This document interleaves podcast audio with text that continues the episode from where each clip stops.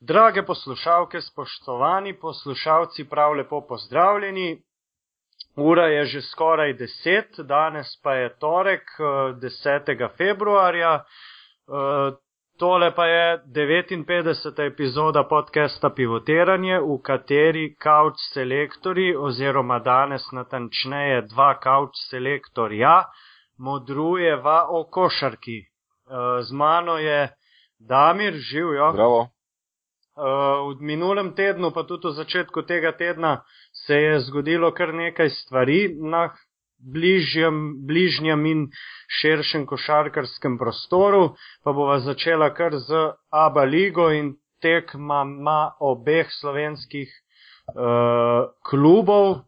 Vsi smo nekako pričakovali, da bo Olimpija iz Laktašov prinesla zmago, pa da bo Krka mogoče doma težko parirala crveni zvezdi, ampak se je zadeva obrnila, tako da je na koncu Krka po 20, eh, pod nizu 20 zmag crvene zvezde to zadevo prekinila in pripravila eno pravo malo senzacijo v novem mestu.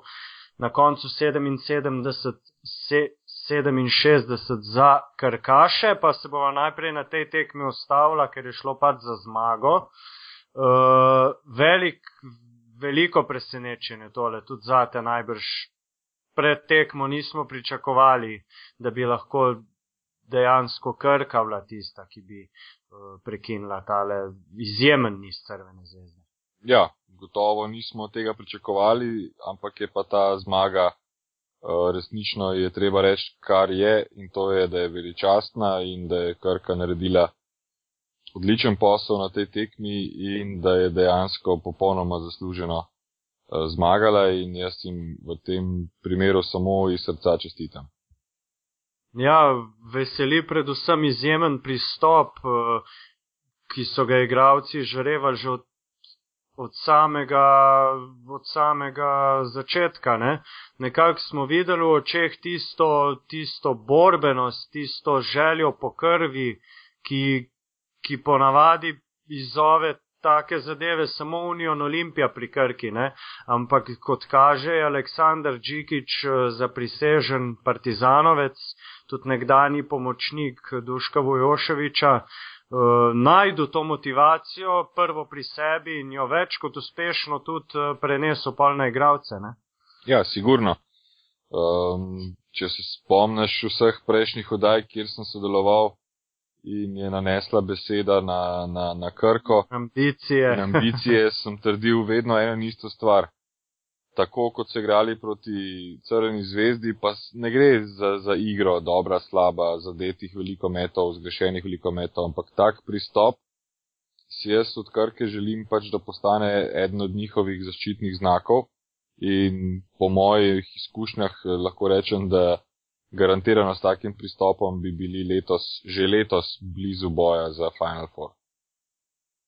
Za playoff, da te popravim. Ja, za Final Four, ja, ja. jaz, jaz rečem Final Four, ker mislim Final Four, ker so samo štiri, ki pridejo ja. v playoff, ampak ti imaš prav, absolutno. Ja, ja. Ja, uh, ja in dejansko je, vsi smo nekaj govorili, Olimpija se bori za za končnico Olimpija lovi Partizan, zdaj pa Krka s to zmago se je zanačila z Olimpijo in uh, oba naša kluba trenutno formalno držita mesto, ki bo naslednje leto peljalo v Eurocup, kar je mislim, da uh, odličen uspeh in bi verjetno kar vsi zdaj podpisali. Uh, Če bi se tako tudi na koncu končalo, pa se vrneva še malo nazaj na tekmo. Uh, mislim, da je ključni, ključni aspekt uh, oziroma ključni razlog za zmago Krke bila odlična taktika Džikiča na Bobanu Marjanoviču, ki ga je v obrambi, se pravi v Krkini defenzivi podvajal. Nemudoma sta ga obstopila dva, kdaj tudi trije košarkari v zelenih dresih, v napadu ga je pa napadel z Bukarjem, ki ima odličen meto daleč in ga 222 cm visoki Marjanovič ni mogel pokriti.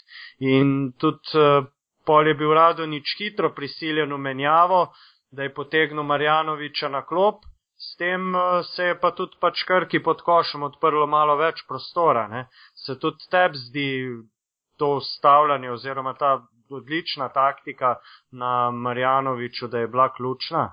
Ja, sigurno je bila ta taktika ključna.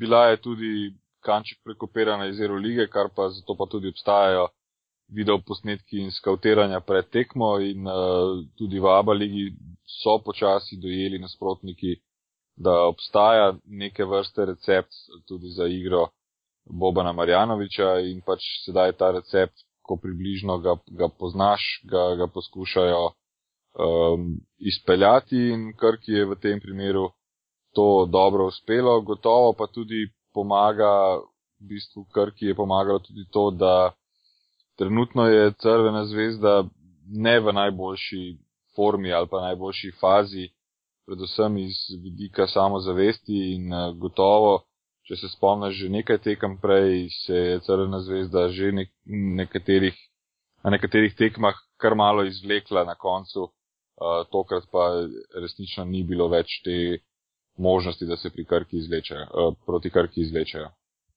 Ja, tudi takrat, ko je bilo treba, niso zadevali spet, ker, ker je njihova kar nekak neka rak rana te ekipe. Proti Žalgeri so vemo trojke 19 nič, lani polfinale ABA lige, tista tekma praktično edina v sezoni, ki jo moraš dobiti. Mislim, da so proti, proti Ciboni metali trojke 32-2. Uh, a so s tem druge ekipe dobile zgled, puščajte jim trojke, zaprite jim eh, Marjanoviča in imeli boste šanse? Ja. Misliš, da bojo tudi drugi na ta način poskušali? Sedaj bodo sigurno tako poskušali, ampak moje mnenje je, da je to kratkoročno razmišljanje, ker uh, šut je zadeva, ki gre lahko in se vrača, seveda, predvsem pri tistih igralcih, ki so že v štartu bolj talentirani za met, ker pač kljub samo poleg ogromno uh, dela moraš imeti nek občutek, ki pa ti je v bistvu vseeno prirojen pri metu. In uh, dejstvo je, da sedaj bodo to izkoriščali, ampak med bo, bo prišel spet nazaj in takrat bo treba poseči po, po drugačnih taktikah. Tako da to res samo trenutno, oziroma ne vem, težko to opredelim v času, ampak recimo bom drugače povedal, za, za playoff uh, ne morem trditi, da bo to uh, glavna eh, točka, ki jo bo treba napasti, ker do takrat je še nekaj več kot dva meseca in marsikaj se še lahko tukaj obrne. Ja, sploh pa v playoffu se igra na tri dobljene tekme in uh, malo verjetno je pričakovati, da bo Crvena zvezda na vseh treh tekmah tako slabo metala. Ne? Uh, ja, pa ne samo, da... ne samo Crvena zvezda, kdorkoli, kdorkoli je v seriji na tri tekme, uh, je resnično vsaka tekma nekako tekma zase. In težko iz prejšnje tekme potegneš, pa rečeš, aha, prejšnjo tekmo so katastrofalno metali za tri, uh, tole tekmo bomo dejansko jih pustili, da mečejo, ali pa pač bomo se bolj skoncentrirani na oženje rakete in eh, jih pustili njihove uh, šuterje, da mečejo. Um, tudi sedaj pa, ko je pač ena tekma na teden v smislu ABA lige, ne, uh, bodo sigurno poizkušali uh, na, na to taktiko. Druga stvar pa je, uh, Crna zvezda je odigrala sedaj že tudi šest tekem v Euroligi, uh, pozna se tudi malo te utrujenosti iz top 16, ko je treba igrati četrtek, petek, pa potem, ne vem, soboto, nedeljo, pa odvisno, mm. kater dan, ampak sigurno regeneracije je manj, um, rezultati tudi v Euroligi pač so skladni s tem, koliko je, koliko je Crna zvezda sedaj sposobna v Euroligi in uh, dejstvo je, da pač je sedaj neka, nek moment, kjer mogoče niso na nekem svojem vrhuncu, ki smo ga bili navajeni gledati v novembru in tudi decembru. Ja, sigurno so pa, so pa telih težav najbolj veseli v tvojem taboru, ne? Uh, ker nekako vidijo, da crvena zvezda pada, partizan pa na drugi strani ne blesti, ampak nekako počasi gura in uh, skuša svoj kader še ukrepiti. Uh, zdaj v teh dneh je prišla ven vest, da naj bi se nekako pogovarjali oziroma skušali med se spraviti oziroma privabiti Aleksa Mariča po odhodu Đorđeja Gagiča bi, bi on kar odlično zapolnil tole vrzel. Pa se vrnimo nazaj, Krko smo nekako obdelali. Zdaj, kot sem že prej omenil, obe moštvi sta pri 11 zmagah in 10 porazih, peto in šesto mesto. Uh, hočeš nočeš se morava dotakniti še Olimpije in njenega poraza v Laktaših. Mene je, moram reči, razočarali so me na celi črti na tej tekmi, ki je nekako razkrila vse hibe njihove od priprave na tekmo do izvedbe akcij na sami tekmi. Vsi smo upozarjali na tega Bradyja Heslipa, ne? Ja. Pa. Ja, jaz bi mogoče še vseeno, preden greva čisto na to tekmo, omenil še en zanimiv podatek, vsaj meni se je zdel zanimiv iz prejšnje tekme Krka Crna zvezda. E, popravi me, če govorim karkoli narobe, a zdi se mi, da bom prav povedal. Markus Williams, playmaker Crne zvezde, Ja. met iz igre 5-18. Uh, Ja. Armstead, playmaker Krke, met iz igre 6-22. Kako? Ta dva igralca sta v toku sezone bila večkrat razglašena za dobesedno najboljša pleja lige. Ne? Mhm. Um, sta se tudi nekako menjavala, en teden se je govorilo, da, da je Malcolm Armstead najboljši, drug teden, da je Markus Williams, ki ima pač tudi več izkušenj iz Evrope in tako naprej. Mene sta v tej tekmi oba dva zelo, zelo razočarala. Enostavno štiri izgubljene, oziroma uh, uh, ena izgubljena pri Armsteadu, pa, pa potem šest izgubljenih pri Markusu Williamsu, oba dva z minutažo, eden 34, drug 35 minut. Uh, to, so, to so fanti, na, kat na katere se v takih nekih tekmah najbolj računa in, in da, sta, da je to tudi mogoče slučajnost, da sta na isti tekmi, bom rekel, dala manj od pričakovanj, a vendar te fante, ki jih pač kupujejo klubi za to, da bi dosegli čim boljše rezultate, uh, si take tekme v, na tem nivoju tekmovanja, ker to je še vedno nivo, ki, sta, kjer je pač Markus Williams je igral na višjem nivoju, ne?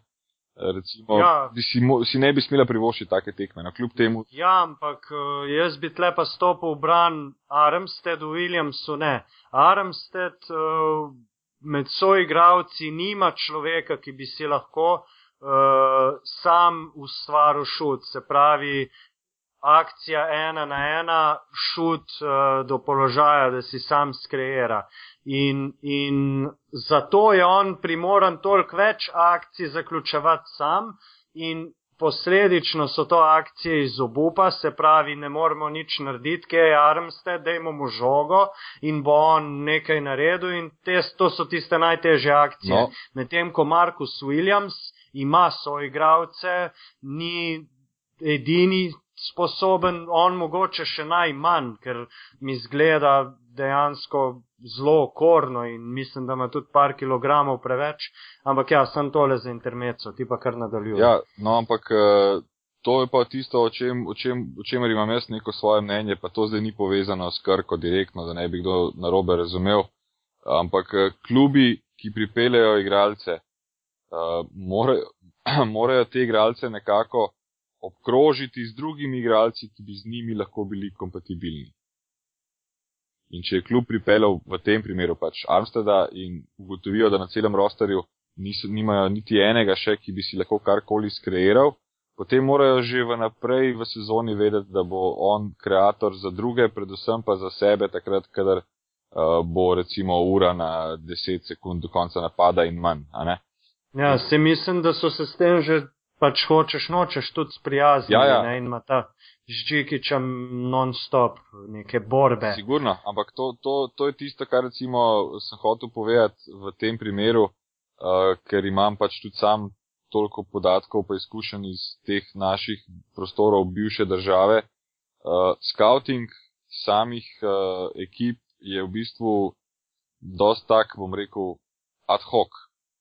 Ni, ni tega dela na, na, na bazi več let uh, točnega skautiranja, uh, popote- popolnjevanja določenih pozicij iz, iz leta v leto, kjer potem ti v roku 3-4 let priješ do ene kohezivne enote igralcev, ki, ki, v katerem potem mora trener imeti samo tako vlogo, da poskuša neko kemijo narediti in iz tega se potem gradi rezultat naprej. Ne.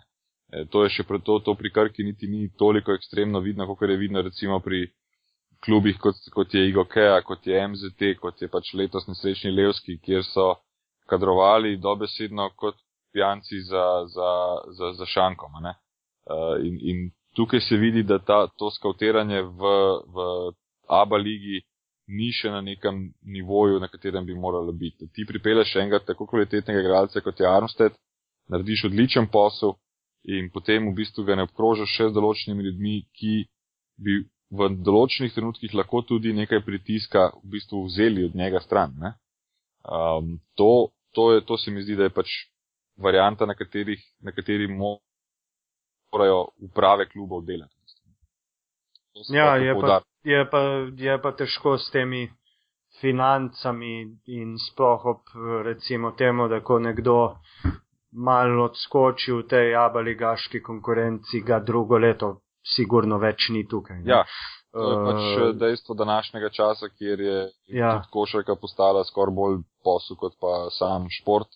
Ampak po drugi strani ne, je pa recimo pri, pri Crveni zvezdi, v tem primeru pa to ne mislim za nadomestilo ali karkoli, ampak Rebič sedi, Aranitovič sedi, Tejič tri minute, ne, to so potem vedno, vedno moraš najti to varianto, ali boš izključno z mladimi, ali boš počasi dva, tri mlada najbolje upeljeval, da pa mi nekdo reče, da, da, da ne moreš oboje, pa lahko in ti in jaz poveva, da recimo pokaževa primer enega Efesa, ki, ki da dva ekstremno mlada igralca v igro in, in sedaj v sredini sezone že odločata recimo zadnje napade in tako naprej. Se pravi, da se treneri, ja. treneri v ABA ligi so po moji oceni nažalost pod pritiskom uprav v, v klubov, v katerih dosti krat sedijo ljudje, ki niso dovolj kompetentni za košarko in pod pritiskom pač rezultata, ki mora biti čim bolj instanten zaradi tega, da se proda pet vstopnic več in da se potem reši kakršnakoli finančna zagata, popuščajo, kupujejo igralce na, na, na zelo hiter način. Uh, od vseh igralcev, ki kupujejo, pričakujejo večina, se mi zdi izključno čim več točk na tekmo, kar bi pomagalo končnemu rezultatu. Načrtnega dela pa na nek način premalo vidim. Ja, to je res, ampak mislim, da tudi če bi, če bi kakšen trener v Abu Leiji dobil furka na Korkmaza, pa če je Osmana, da bi težko ga imel na klopi, pri nas so te igravci vseeno malenkost. Še en rank ali pa dva slabši, no, ampak, ja, ampak, je tudi, ampak, koncu... ampak je tudi, ampak je tudi uh, raven ja, tekmovanja.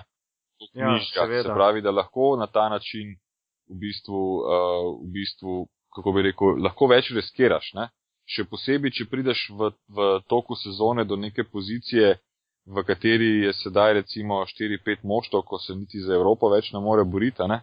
Uh, če to ni čas za, za mlade, da, da jim daš to neprecenljivo izkušnjo, potem ne vem, za koga je čas. In ravno za naslednjo tekmo, ko so zdaj začela govoriti uh, Olimpija in, in Igokeja in uh, Brady, Brady Haslett, uh, ja. nihče, nihče razen njega samega in njegovega agenta ne ve, zakaj je ta človek prišel sedaj v IGOK. Jaz mislim, da, da je absolutno obogatil uh, Abba Ligo. Ja, sigurno. Ab, Abba Ligo in, in uh, ampak po drugi strani se mi zdi pa čudež, da bo ostal naslednjo sezono v IGOK. Jaz mislim, da je to bil en tak rental ja. za, za, za tri mesece in da bo potem sam še naprej nekam šel. Je... Ja, jaz mislim, da, da, da, je, da je izbral IGOK-jo pred Banvitom in Laboralom Kučo, ti dve, ta dva kluba sta se v javnosti pojavljala, predvsem zato, ker bo tukaj imel povsem proste roke, eh, nivo tekmovanja ne bo tako visok,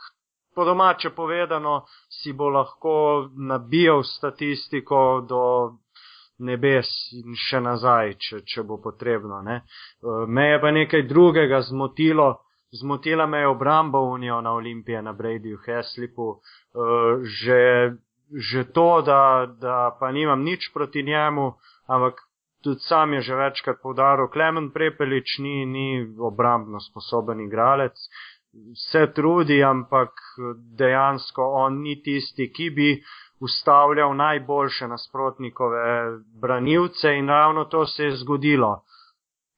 Od prve minute naprej prepelič na Heslipu, slednji zadane tri trojke iz prvih treh poskusov, obroč se razširi za Heslipa seveda in ne moreš ga več ostaviti. Ne?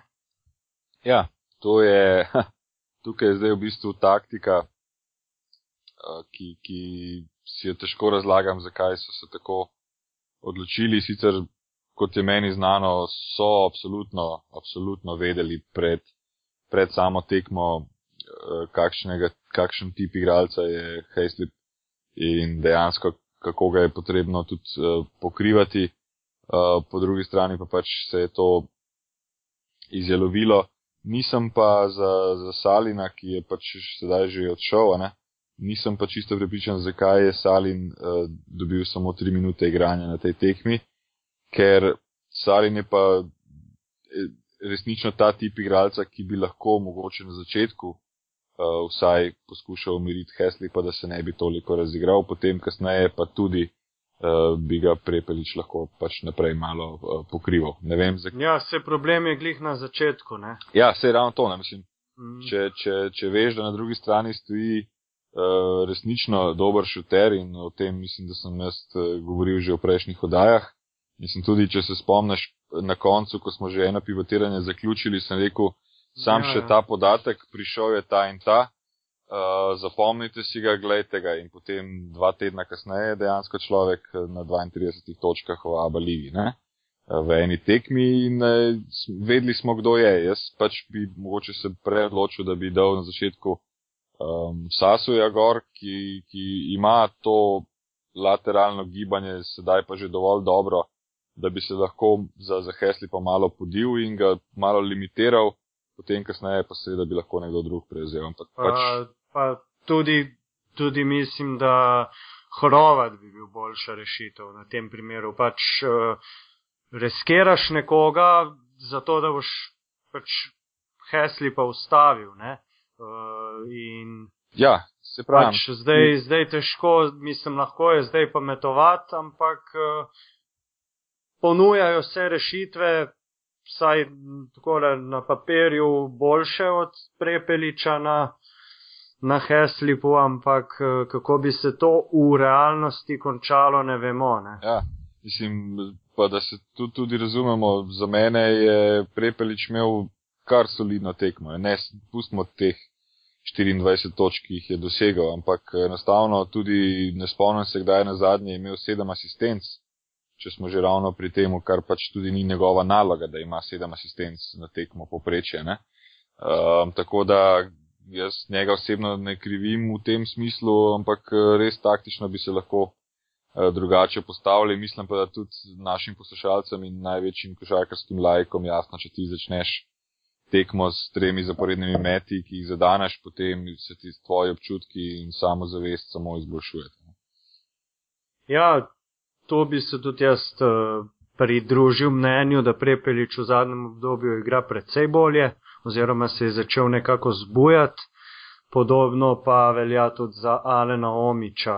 Mislim, da sta one dva, da sta one dva trenutno v kar najboljši formi pri Ljubljančanih, uh, ki pa so se zdaj znašli v neki v nekem slabšem nizu, ne? tisti poraz v Eurocapu v Bambergu, ključen poraz z dvema izgubljenima končnicama.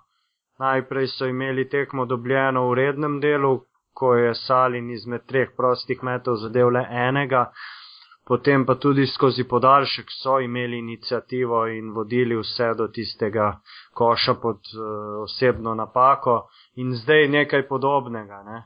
Uh, sezona, je, sezona je v tisti zaključni fazi, vsaj kar se Aba lige tiče in mislim, da bo Ljubljančani se bodo še precej konkretno morali potruditi, da ostanejo med prvimi šestimi ekipami, ne? ker ta moment se je zdaj nekako obrnil, uh, tako da čaka še kar nekaj dela. Ne? Ja, sigurno in, in uh, jaz pač razumem, da obstajajo tudi finančne težave že vsa ta leta, kar se Olimpije tiče, ampak Olimpija v tej fazi svojega življenja in s to dvorano, mislim, brez Evrope, si, ne, si jo ne predstavljam. Torej, morajo, po mojem oceni, v klubu narediti popolnoma vse, kar je v njihovi, uh, njihovih možnostih, da, da igrajo Evropo tudi naslednje leto. Um, je pa dejstvo sledeče, da ta Evropa, kot je lahko na nek način mamljiva, je pa tudi utrujajoča in uh, vemo, da je recimo, govorili smo o tem, da je Aba Liga letos na nek način tako šipka, kot že dolgo ne in da ta prava pot v Evropo vodi preko Aba lige in ta povdark dati v bistvu na, na, Aba, na Aba ligo je, je bilo ved, nekaj, kar sem jaz vedno govoril, ne? ker recimo Bamberg se oba dva strinjava, je pač solidna nemška ekipa, ne, ki bi v Aba ligi marsikoga premagovala in v bistvu je ekipa, je, je Olimpija na tekmi gor v Nemčiji pokazala, da ima visok domet še zmeraj, ampak nažalost trenutno prepozno, da bi v Aba ligi karkoli naredili. Se mi zdi, da je dosti tekem v Aba ligi Olimpija enostavno um, mlačno spustila skozi svoje prste, da bi, da bi danes lahko bil položaj čisto drugačen. Tukaj v bistvu ja. kar v isti koš mečem in Krko in Olimpijo Krka po odličnem začetku.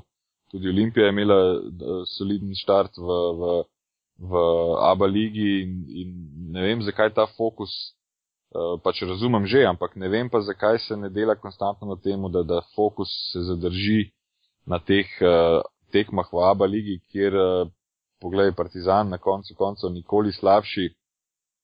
CD-vita se je tudi utrujala z uh, Euroligo in, Euroligo in kasneje Eurocapom, kar pomeni, da je bila tudi ranljiva v določenih uh, momentih in uh, tako, dve zmagi gor, dve zmagi dol. Ja. Bi bilo to lahko. Zelo... Če tako pogledaš, Cibona doma, Metalec doma, Igokeja v gosteh, tri zmage, ki bi lahko bile, ne? Čist ne bi bilo nič čudenga, pa bi bila Olimpija skupaj s Partizanom na četrtem mestu. Tako. To je ta širok, širok, tik pod vrhom so zadeve tako zgoščene, da te dve zaporedni zmagi, recimo iz desetega mesta, pripeljeta na peto mesto. Ja, ja, ker... Kvalitete nekega presežka ni, je pa izenačeno in posledično tudi naporno, saj vsako gostovanje tukaj Seveda. svoja zgodba. Seveda, ampak Olimpija je staroselec v Aba ligi, mislim, da za njo več nobeno gostovanje ne more biti nikakršno uh, presenečenje in uh, dejstvo je, da recimo, bi lahko iztržili kaj več od tega. Ne. Je pa seveda igranje na dveh frontah eh, s kadrom, ki ga Olimpija ima. Um, se mi zdi pač, da je, da je naporno dovolj, da, da enostavno ne, ne premorejo uh, dovolj koncentracije. Po drugi strani je pa tudi, uh, kar se tiče trenerja, jaz sem pač tukaj vedno bolj zadej capljal za tem, kar so govorili drugi ljudje in pač kjer so bili glasni.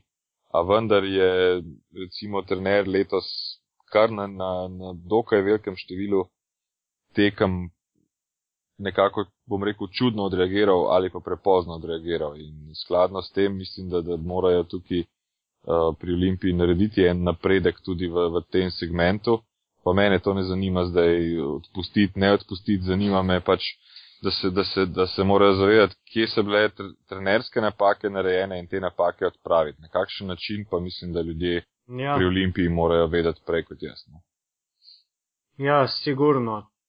Ta status quo oziroma za kogar je dobro je, ki, ki, ki nekako veje iz Olimpije, ni v redu, ni, ni, ni, to ni dobra klima za, za Mislim, ško, prihodnost, za razvoj. To, kluba, ampak škoda je, škoda je preprosto zaradi tega, ker uh, mislim, da, da vseeno ni treba ponavljati uh, opusa uh, del in, in karijere Pipana, ki, ki je treniral uh, res in v vrhunskih uh, klubih in reprezentance in tudi nekaj.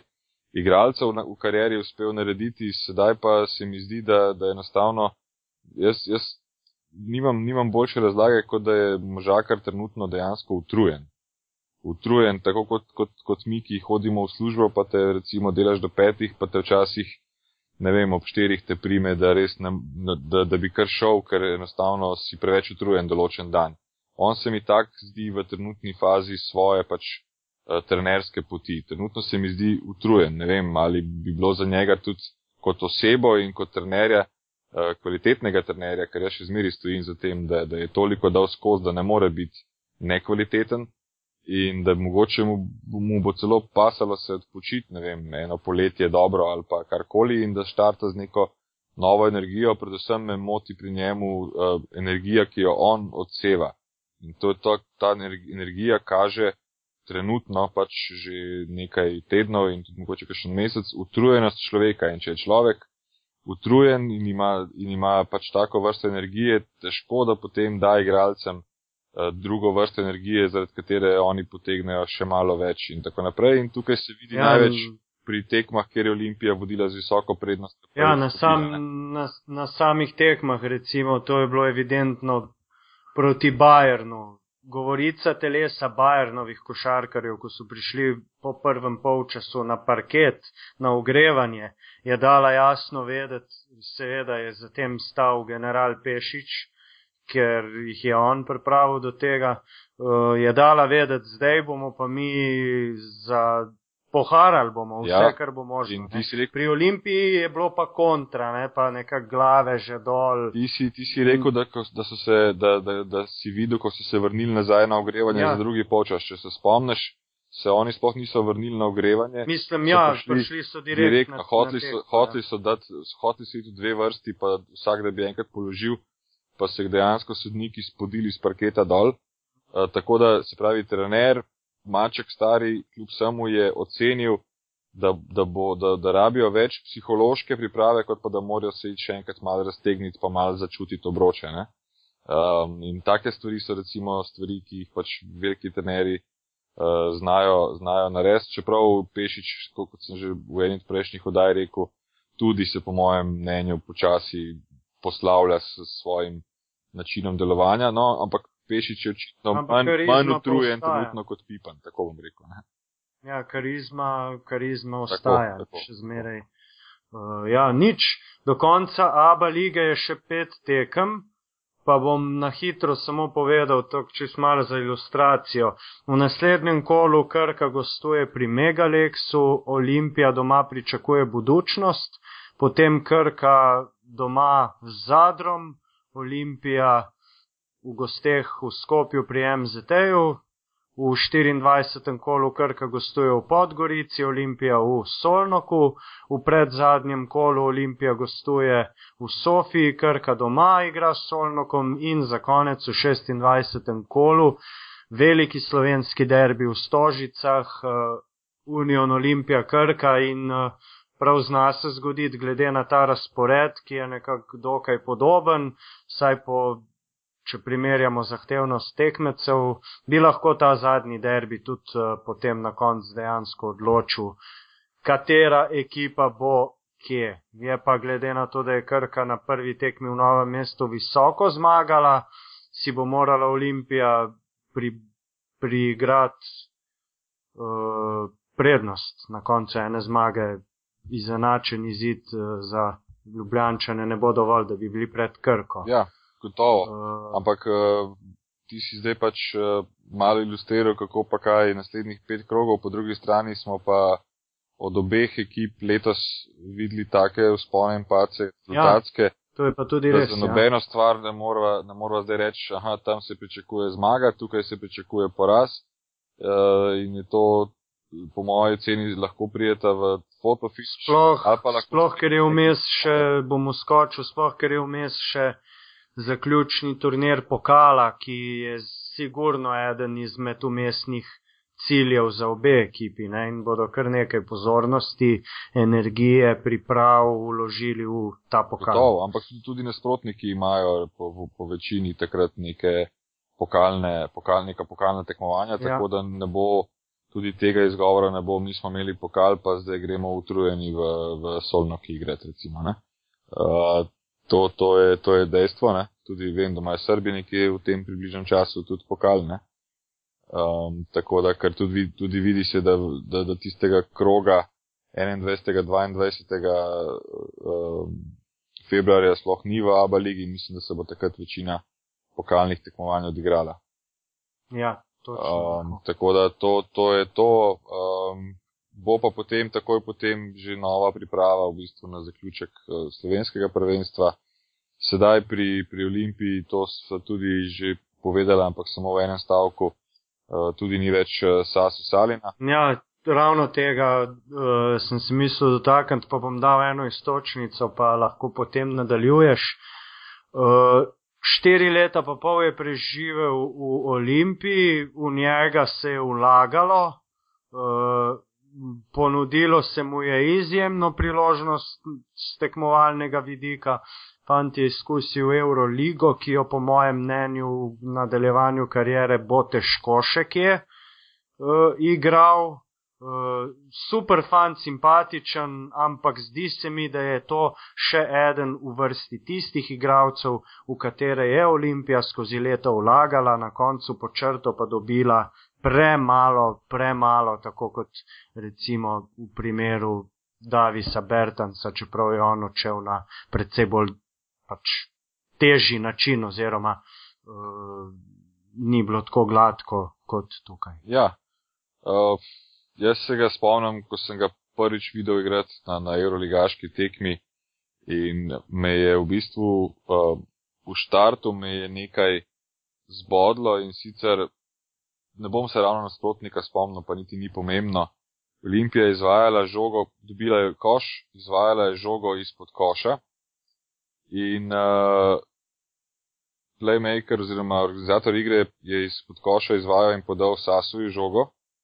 Med tem časom so organizatorja igre, uh, mislim, da je bil to takrat celo Ilijevski, pa me boš ti popravil, če si se dobro spomnil, v Euroligi in je, se ga takrat organizatorja igre pokril močno in na Sasu takrat bi moral začeti v bistvu driblati žogo in enostavno samo prepeljati do sredine in spet počakati na organizatorja igre, da mu vzame žogo.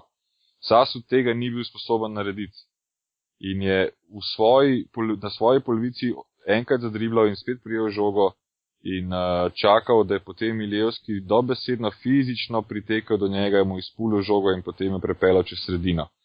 Ta, poda, ta, ta pogled na to me je absolutno šokiral, ker sem, sem si mislil, da je igralec bolj pripravljen v tem pogledu, še posebej pri njegovi višini. Zakaj to sploh omenjam? Pri njegovi višini 190 cm bi moral. Mislim, da celo 180. Ja, vse sem, bi ja. moral biti sposoben vsaj toliko pomagati, da bi prepeljal žogo preko sredine, ampak, zdaj gremo pa naprej.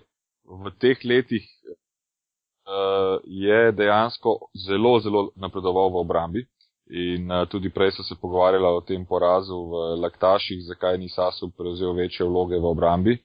In je dejansko s tem svojim obrambnim trudom uh, in, in tem voljnim momentom bil opažen član Olimpije in dejansko to, to se je naučil v Ljubljani.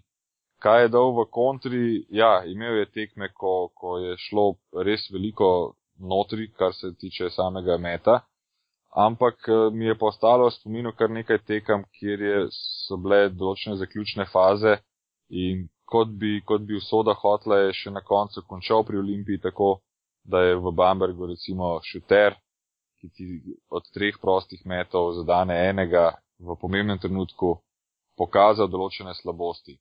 Jaz ne vem, če se boš ti spomnil lansko leto na svetovnem prvenstvu v Španiji, ko je igrala Finska proti Združenim državam Amerike. Um, se je vedlo že pred tekmo, da, bo, da bodo pač izgubili in da bo to mhm. razlika 30-40. Uh, če si boš zavrtel svoj film v glavi ali pa če se ne boš spomnil, si pa na YouTube pogledaj, Uh, daleč, daleč najbolj prestrašen igralec na parketu je bil Sasa Salin. Meni celo nerazumljivo prestrašen. Na enem zelo odprtem metu iz strani na trojki ja, je zadev rob table, je zadev rob ja. table in to komaj. Uh, in, in tukaj se mi zdi, da, da, da ni dal dovolj Olimpiji, da ni imel dovolj samozavesti v nekih ključnih trenutkih. Ja, in na koncu konca Olimpija, odkar je on pač igral tukaj, ni osvojila enega naslova državnega prvaka. Dobro, to je pač, da je košaka ekipna igra, to ne moreš da, na ja. njega dati. Uh, ampak sigurno, ho, moja, moja teza v končni fazi je ta, da je Olimpija pač njemu več dala, kot je on da v Olimpiji, pa se ravno tako no, se, ja, to je bila. ravno, to je ravno bila tako moja, se pridružujem ja. temu, da, da, da, da, da ni bil nekoristen, da, da je super fant bil, da ni bil v problematičen ne v garderobi, ne v mestu, ne nikjer, ne. Ampak uh, gotovo pa bi lahko več uh, bilo od njega. Po drugi strani je še ena dobra lastnost, uh, ki sem jo pač jaz nekje slišal, je pa ta, da kolikorkoli je imel uh, nekaj tudi smole s poškodbami, uh, je pa ogromno tekem odigral dobesedno pod tabletami. Se pravi, lahko bi se tudi, tudi usedel pa rekel, le jaz sem poškodovan, ne morem, ne? Mm, pa je vedno nekako, če, če je le šlo, stisnil zobe pa odigral. To govori pač bolj o njegovi uh, ljudski kvaliteti, ne? Ja. karakterni kvaliteti. Kar se tega tiče, tudi uh, mislim, da ni bilo nikoli Ja, vprašljivo. ne. ja, ampak enostavno premalo, to je, to je nek njegov domet. Po drugi strani sem bil pa kar malo presenečen nad, nad izbiro kluba za njegovo bodočo kariero uh, in absolutno mu želimo, po moje, od Olimpije naprej vsi eh, veliko sreče tam, ampak eh, bo pa, je pa prišel v, v, ne bom rekel ekipo, ampak v ligo, ki je pa na nivoju, kjer, kjer je pa za njega, po moje oceni, biti ali ne biti. Se pravi, ali bo tam Splaval ali splaval, pa- funkcioniral, ja. ali pa pa igral po raznih, ne vem, ligah, ki, ki pač niso blizu temu nivoju kvalitete. Tako da, žal, eh, tudi to mi je všeč, da je pač, um, veš kako je s temi tujci, ponavadi je tako, da pridejo, grejo, pridejo, grejo, nobenega stika z Mhm. njimi, uh, navijači se ne morejo ravno poistovetiti z nikomer in tako naprej. In sem vesel, da je pač Olimpija nekoga vseeno zadržala, a vendar, če bi bil nekdo bolj kvaliteten od njega, eh, bi pa verjetno tudi Olimpija ga imela težavo zadržati, ampak bi pa vsaj nekaj nazaj eh, dobila. V tem primeru pa ne moram nič trditi, ker ne vem, ali so kaj dobili, ali niso kaj dobili, ali so se dogovorili, kak. Ja, jaz mislim, da, da je šlo za nek uh, vzajemen dogovor, kar pomeni, da je Olimpija igralcu dala proste roke pri izbiri novega delodajalca, igralec pa je na nek način uh, pozabil v narekovajih na dolg, ki mu ga je klub, uh, ki ga je klub imel do njega, pa seveda odškodnine mislim, da tudi ni bilo Ja. vsaj ne Čeprav, kakšne čeprav, omembe vredne. čeprav to je škoda, ker eh, kot, kot je meni znano, ni tako, da bi njemu bili dolžni za dve leti, a ne? Ampak so mu dolžni bili za dva plus meseca, recimo, ne?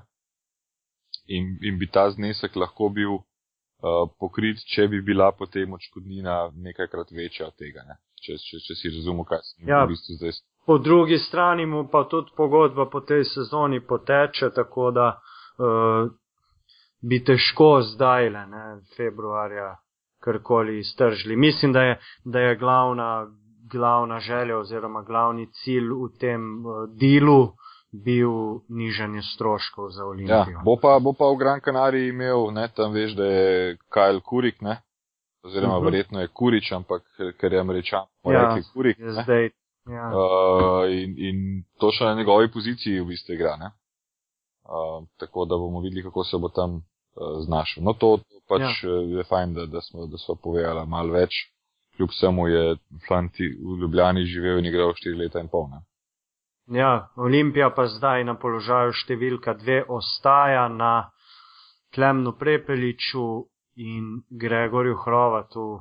Kar pa ni, Pa kar mogoče deloma, pa mogoče deloma še Marineli, ampak bo tukaj malo. ta, ta, ta, ta del za mene ni toliko uh, problematičen. Ja, jaz imam uh, veliko krat v naših oddajah sem pohvalil potezo uprave, da je pripeljala Mahkovica in, in, in, uh, in, in Hrovata. Uh, in uh, Hrovat, jaz mislim, da je en tak res srčni igralec, ki, ki lahko še napreduje in je čisto prav, da, da se mu bo dala ta dodatna priložnost sedaj, da, da ne bo pač imel še enega, s katerim bo delil minutažo in mislim, da, da z odhodom Salina ni, ni tako hudo Olimpije izgubila, če pa je že kje izgubila, je pa žal največ izgubila v nekem bolj na momentu pri obrambi na, na bekovskih pozicijah, kjer je kljub vsemu Salin bil v moji glavi vsaj nominalno uh, najmočnejši od igralcev na teh pozicijah v Olimpiji. Ne? Ja. Uh, tako mislim, da bo tole, kar se Aba lige tiče, več kot dovolj. 45 minut svojo prežvekovala. Uh, sam toliko, da še omenim, Crveno zvezdo čaka uh, tekma v Euroligi v naslednjem kolu, uh, v fazi top 16, seveda. Uh, sam trenutek mislim, da igrajo z.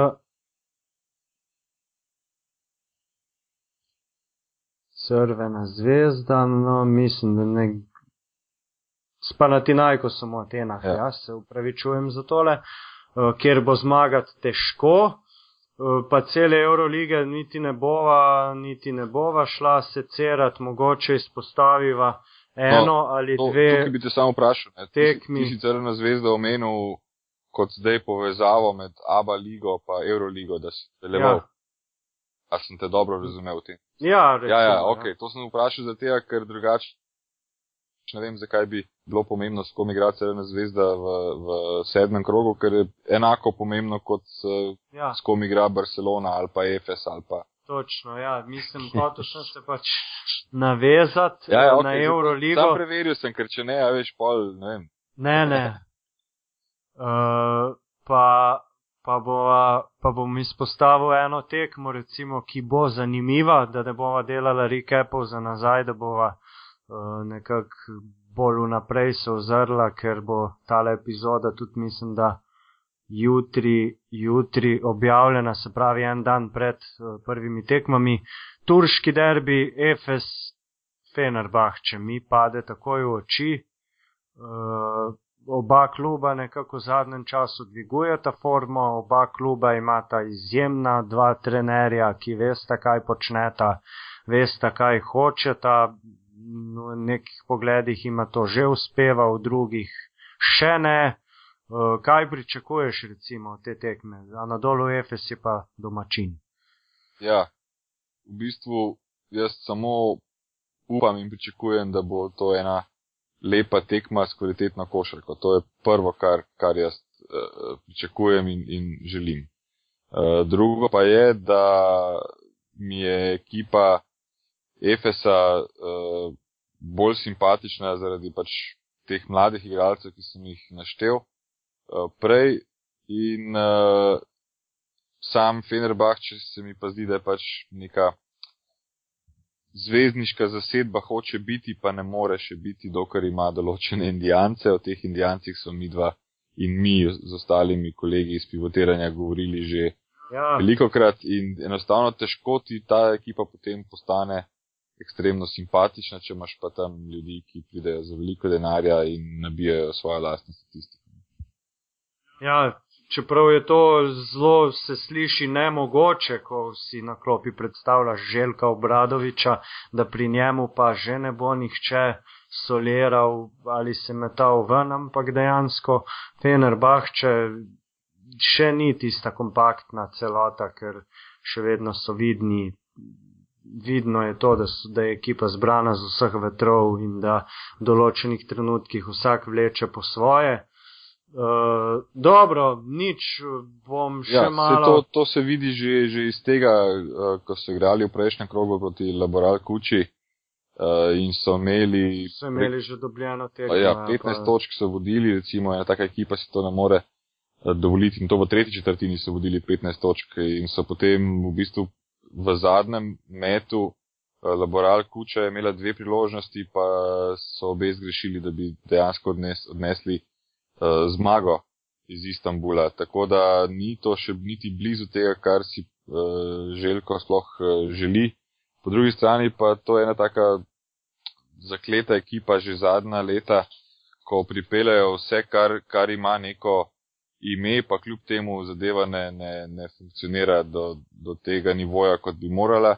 Medtem ko pač pri EFS-u je pa tako, da so sicer zmage in porazi, ampak se stalno vidi, da je, da je nek napredek. Nek, ja, ampak ja. ne bom rekel nujno napredek, ampak vidi se podpis trenerja. Ja, pa, da, ni, da, da se ve, kdo pije in kdo kar plača. Kar me pa najbolj čudi je pa to, da, da ko, ko se pogovarjamo o Bradoviču, govorimo lahko samo v superlativih, na koncu konca človek je osvojil v Evropi vse, kar je bilo potrebno in možno osvojiti.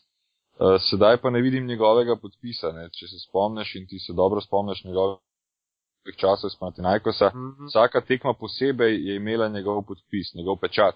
Uh, on je kontroliral ne samo igralce in klop, on je kontroliral dobesedno skoraj gledalce in dvorano in hišnika. Sedaj se mi pa zdi, kot da je popolnoma izgubil kontrolo nad, nad dogajanjem, da, da sedaj samo še vidimo nek, nek tiste njegove eh, kolerične izpade, ki so lahko tudi opravičeni, absolutno, ampak se mi zdi, da se mogoče začel preveč posvečati temu, da, da, da se pritožuje nad stvarmi, ki niso dobro narejene, kot pa temu, da bi še enkrat lepo ja. pokazal, kaj pa je pravilno. Ne? Ja, uh, to bi se kar strinjal jaz. Uh, nič, za konec bom pa še šel preko luže, kjer je ravno danes, se pravi v noči na torek, verjetno trenutno najboljšemu trenerju v ligi NBA Gregu Popoviču stopelo vstopiti v klub tisoč. Jaz sicer vem, zakaj se gre, ampak glede na to, da si ti nekak NBA človek, bom ker te prepustil, pa ti uh, za poslušalce razloži na kratko, kaj kakšen klub tisoč in zakaj in kako. Ja, Greg Popovič je danes po noči dosegel tisočito, tisočito uh, zmago v svoji karieri, sigurno je to en tak neverjeten klub. Kaj pa je neverjetno je to, da kljub temu, da obstajajo tudi drugi trenerji, ki so že eh, zmagali v NBA-ju tisočkrat ali, ali več tisočkrat, več kot tisočkrat, uh, je pa to Grego Popovič Popoviču uspelo v enem samem klubu. In tudi zanimivo je, da je njegovih tisoč zmag uh, več kot, uh, kot je to zmag nekaterih franšiz v celi zgodovini franšiz. Uh, dobro, nekaj je zaradi tega, ker so nekatere franšize še, še vedno mlade. Uh, ja. Drugo pa je vseeno, da, da je to en znak kvalitete.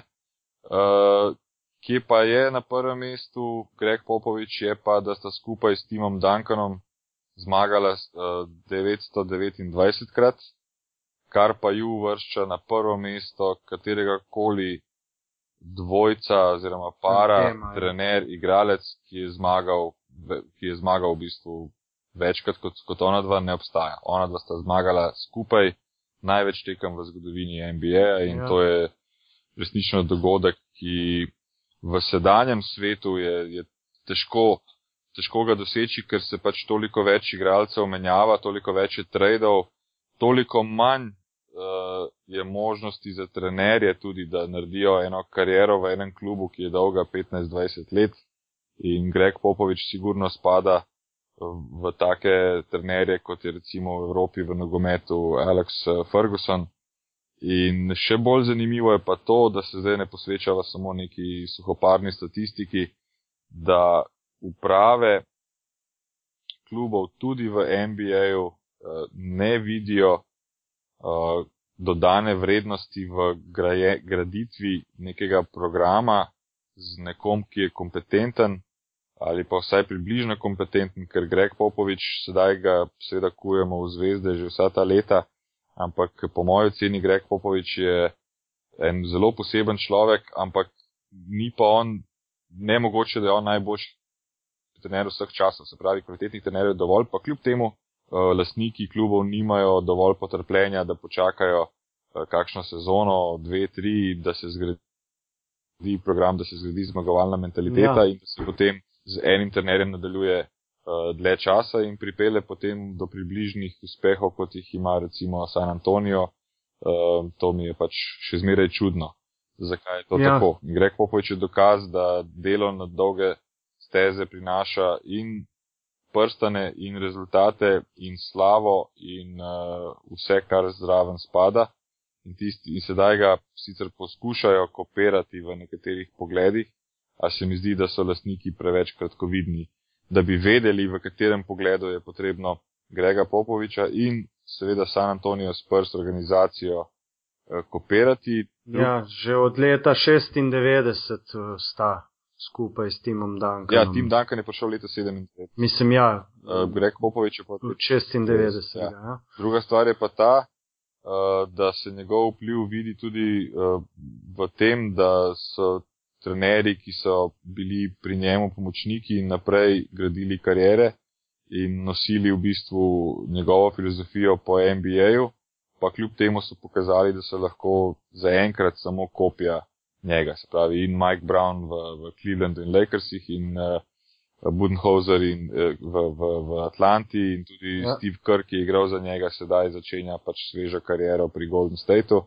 in še takih Brad Brown, ki je pri Filadelfiji trener uh mhm. -huh. in to so vse njegovi učenci in tukaj se vidi velikost uh, Popoviča. Tako. Ja, dejansko je trener pravijo sami te najboljši trenerji večkrat, da uh, on dobi tisto potrditev, da je dober šele, ko ga nekdo na nek način nasledi, nekdo, ki ga je on uh, upeljal v ta posel, ki mu je on uh, uteral pot in mu pokazal določene prijeme. Tako da ja, vsekakor je Greg Popovič ogromno naredil v vseh mogočih smislih za, za celo ligo NBA. Je pa tudi res, kar si ti rekel, ta, ta princip uh, ga ne razumejo, ne? Še, še vedno ga ne razumejo.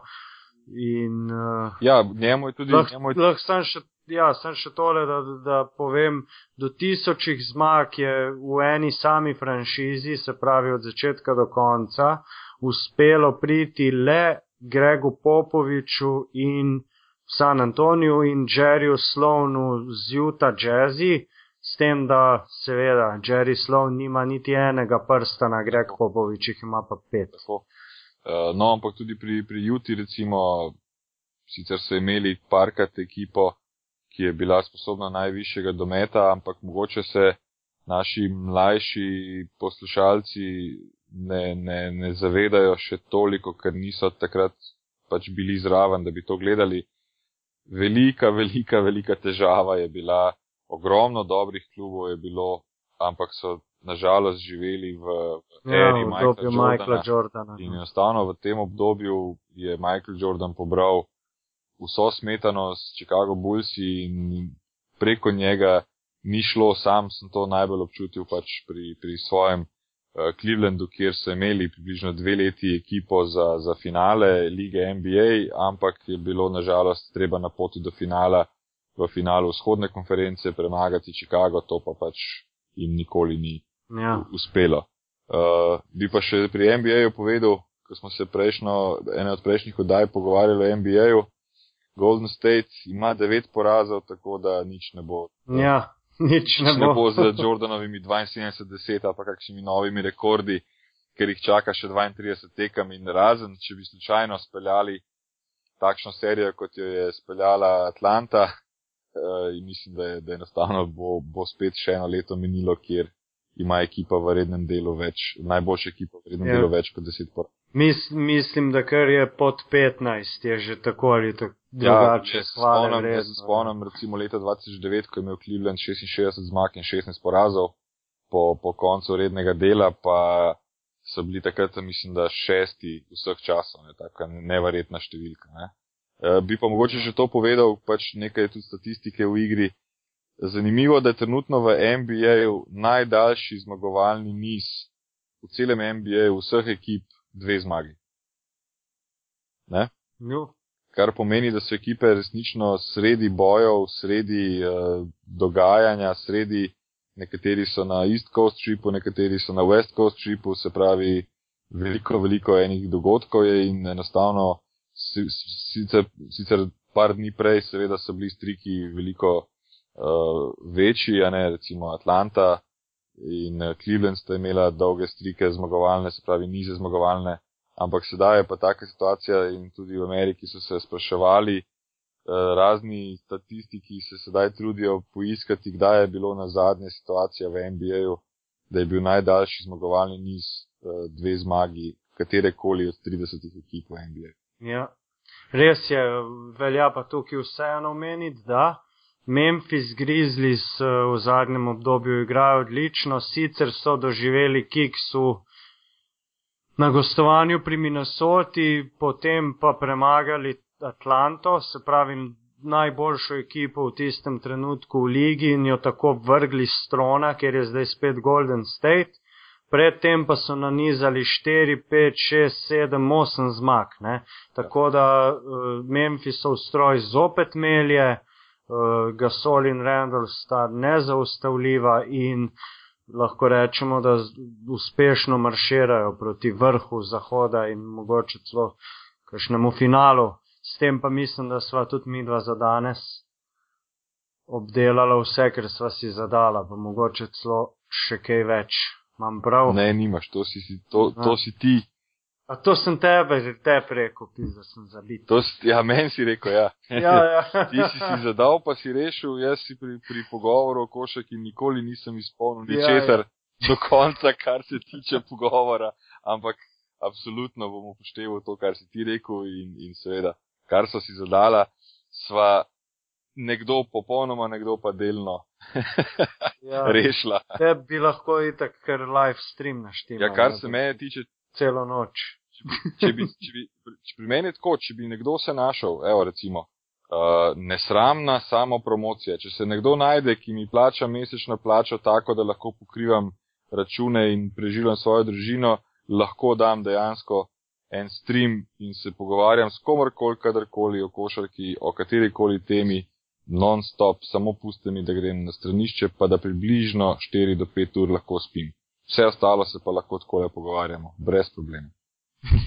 No, upam, da se najde. Če, če, če, se, če se zdaj ne bodo sponzorji začeli tret, pa pa ne vem, kdaj se bodo. ja, ja uh, nič. Uh, tole je bilo za danes vse, se pravi za 59. epizodo.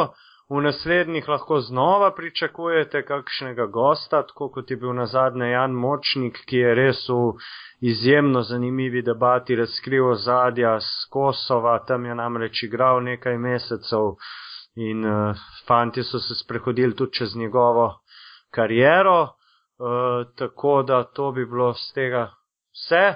Mene na Twitterju najdete pod zbale z dvema L, najdete me tudi na Facebooku, moje uh, vrstice, takšne in drugačne, pa seveda na trikrat trikrat dvojni ve košarka pika si. Zdaj pa še ti povej, Damir, kako najlažje do tebe pridejo. Najlažje do mene je preko Twitterja, afna, mrdee25, se pravi Mr. D25, ob nedeljah si ob jutranji kavici ali pa če hočete ob posilu, preberite tudi mojo kolumno na www.košarka.si.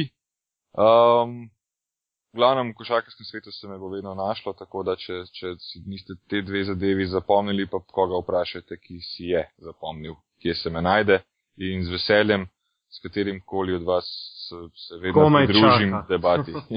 ja. Nič, eh, hvala vsem, ki se boste čez tole prebili in uh, lep pozdrav do naslednje epizode. Adijo. Živijo.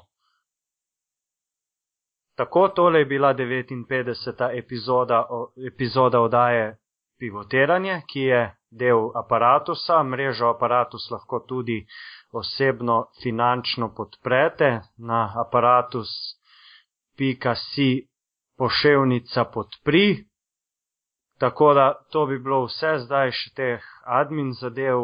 Lep pozdrav do naslednjič.